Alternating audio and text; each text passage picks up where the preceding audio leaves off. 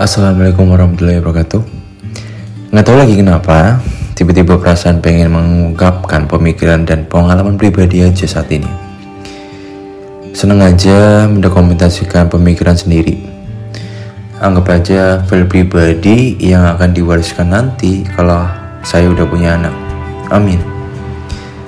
Keren aja kayaknya gak mewariskan harta benda tapi mewariskan pemikiran gitu ya. Ya tetap ada harta benda wajib ya. Ya kelasnya kayak orang-orang luar negeri lah yang sekarang rame-rame jadi motivator mewariskan mindset mereka kepada manusia lain. Tapi ngomongin motivator kebanyakan motivator itu memperkenalkan di di mana dia membentuk mindsetnya ya pasti. Contoh Motivator biasanya menceritakan kesusahannya di awal, menceritakan perjuangannya, bahkan menceritakan kemiskinannya mereka dulu. Memang benar tujuannya memotivasi, tapi motivasi itu nggak akan bertahan lama kalau yang mendengarkan sendiri tidak menyadari. Dengan ceritanya nangis-nangis seolah tergerak ingin mewujudkan mimpi sampai di rumah rebahan lagi itu yang saya alami. Dan ya makanya saya menyuarakan ini jadi ketika makin bertambah usia saya mulai berkepikiran tentang hal ini. Kenapa sih saya susah mendengarkan motivasi orang lain?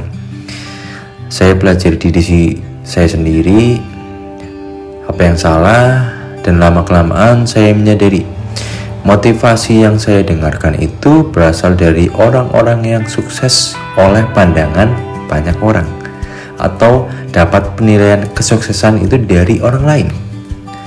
Saya tidak pernah uh, mendengarkan motivasi dari orang yang dilihat biasa oleh orang lain.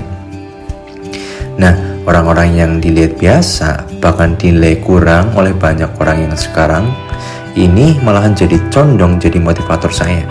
Alasannya simple karena gini, banyak motivator kelas dunia yang ngomong hidupnya susah, serba kekurangan, hidup pas-pasan, ya realitanya sesusah apa pun saya juga ngalamin susah, orang lain juga ngalamin susah. Contoh, mbak saya pekerjaannya deres. Deres itu pemain pemanen air nira atau pemeras air nira yang dijadikan gula ya paham lah ya do you got it lah. Sampai wafatnya dia nggak bisa bikin perusahaan nggak bisa jadi berlimpah harta. Tapi mbah saya almarhum menghidupi saya membesarkan saya membesarkan orang tua saya mencukupi orang tua saya menafkahi segala sesuatu kekeluargaan itu artinya sukses gak sih?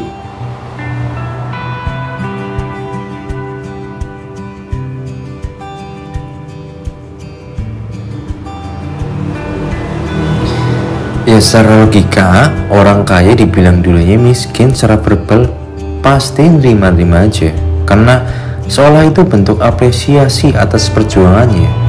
Tapi kalau orang miskin dibilang dirinya miskin secara verbal, ya pasti nggak akan yang mau, nggak ada yang terima, karena sama aja menghina bentuk perjuangannya selama ini.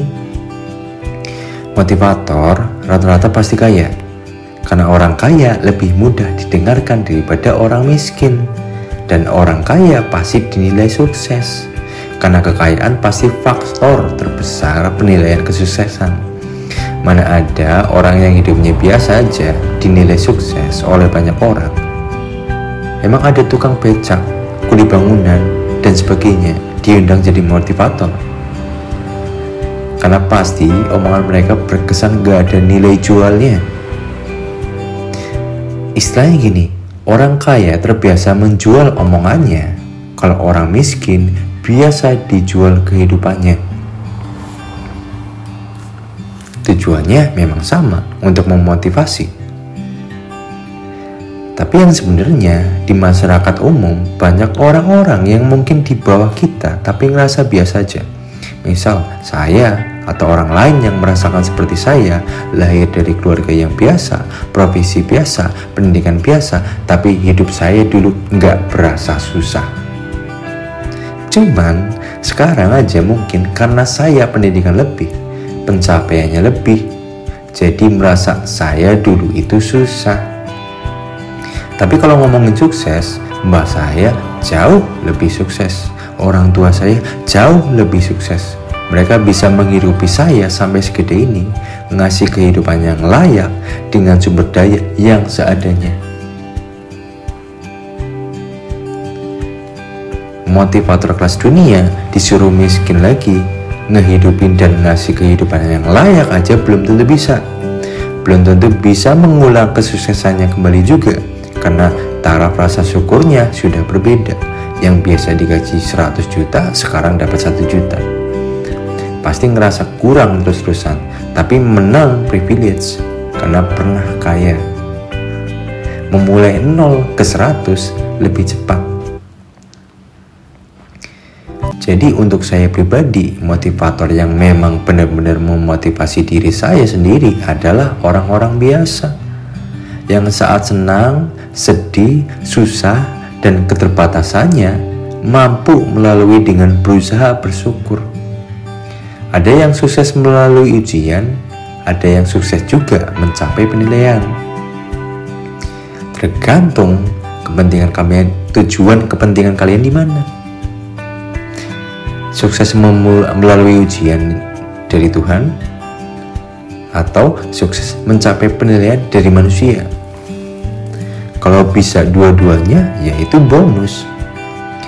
Yang maksud saya mengejar kesuksesan bukan dari seberapa banyak yang kamu dapatkan, tapi seberapa juga yang kamu syukuri. Kalau nilai 100 itu masih dirasa kurang, ya pasti akan mengusahakan lebih lagi. Kalau 100 itu nilai yang cukup, ya syukurnya di situ. Taraf kesuksesannya di situ.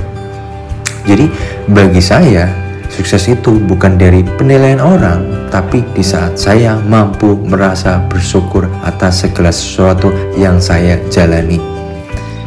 Kalau dikasih berkelimang harta, pendidikan baik, penilaian yang baik juga dari manusia, ya itu namanya bonus sekali lagi. Oke, sekian dari saya. Sekali lagi, podcast ini hanya bentuk pemikiran saya pribadi. Kalau bermanfaat, Alhamdulillah. Terima kasih banget. Assalamualaikum warahmatullahi wabarakatuh.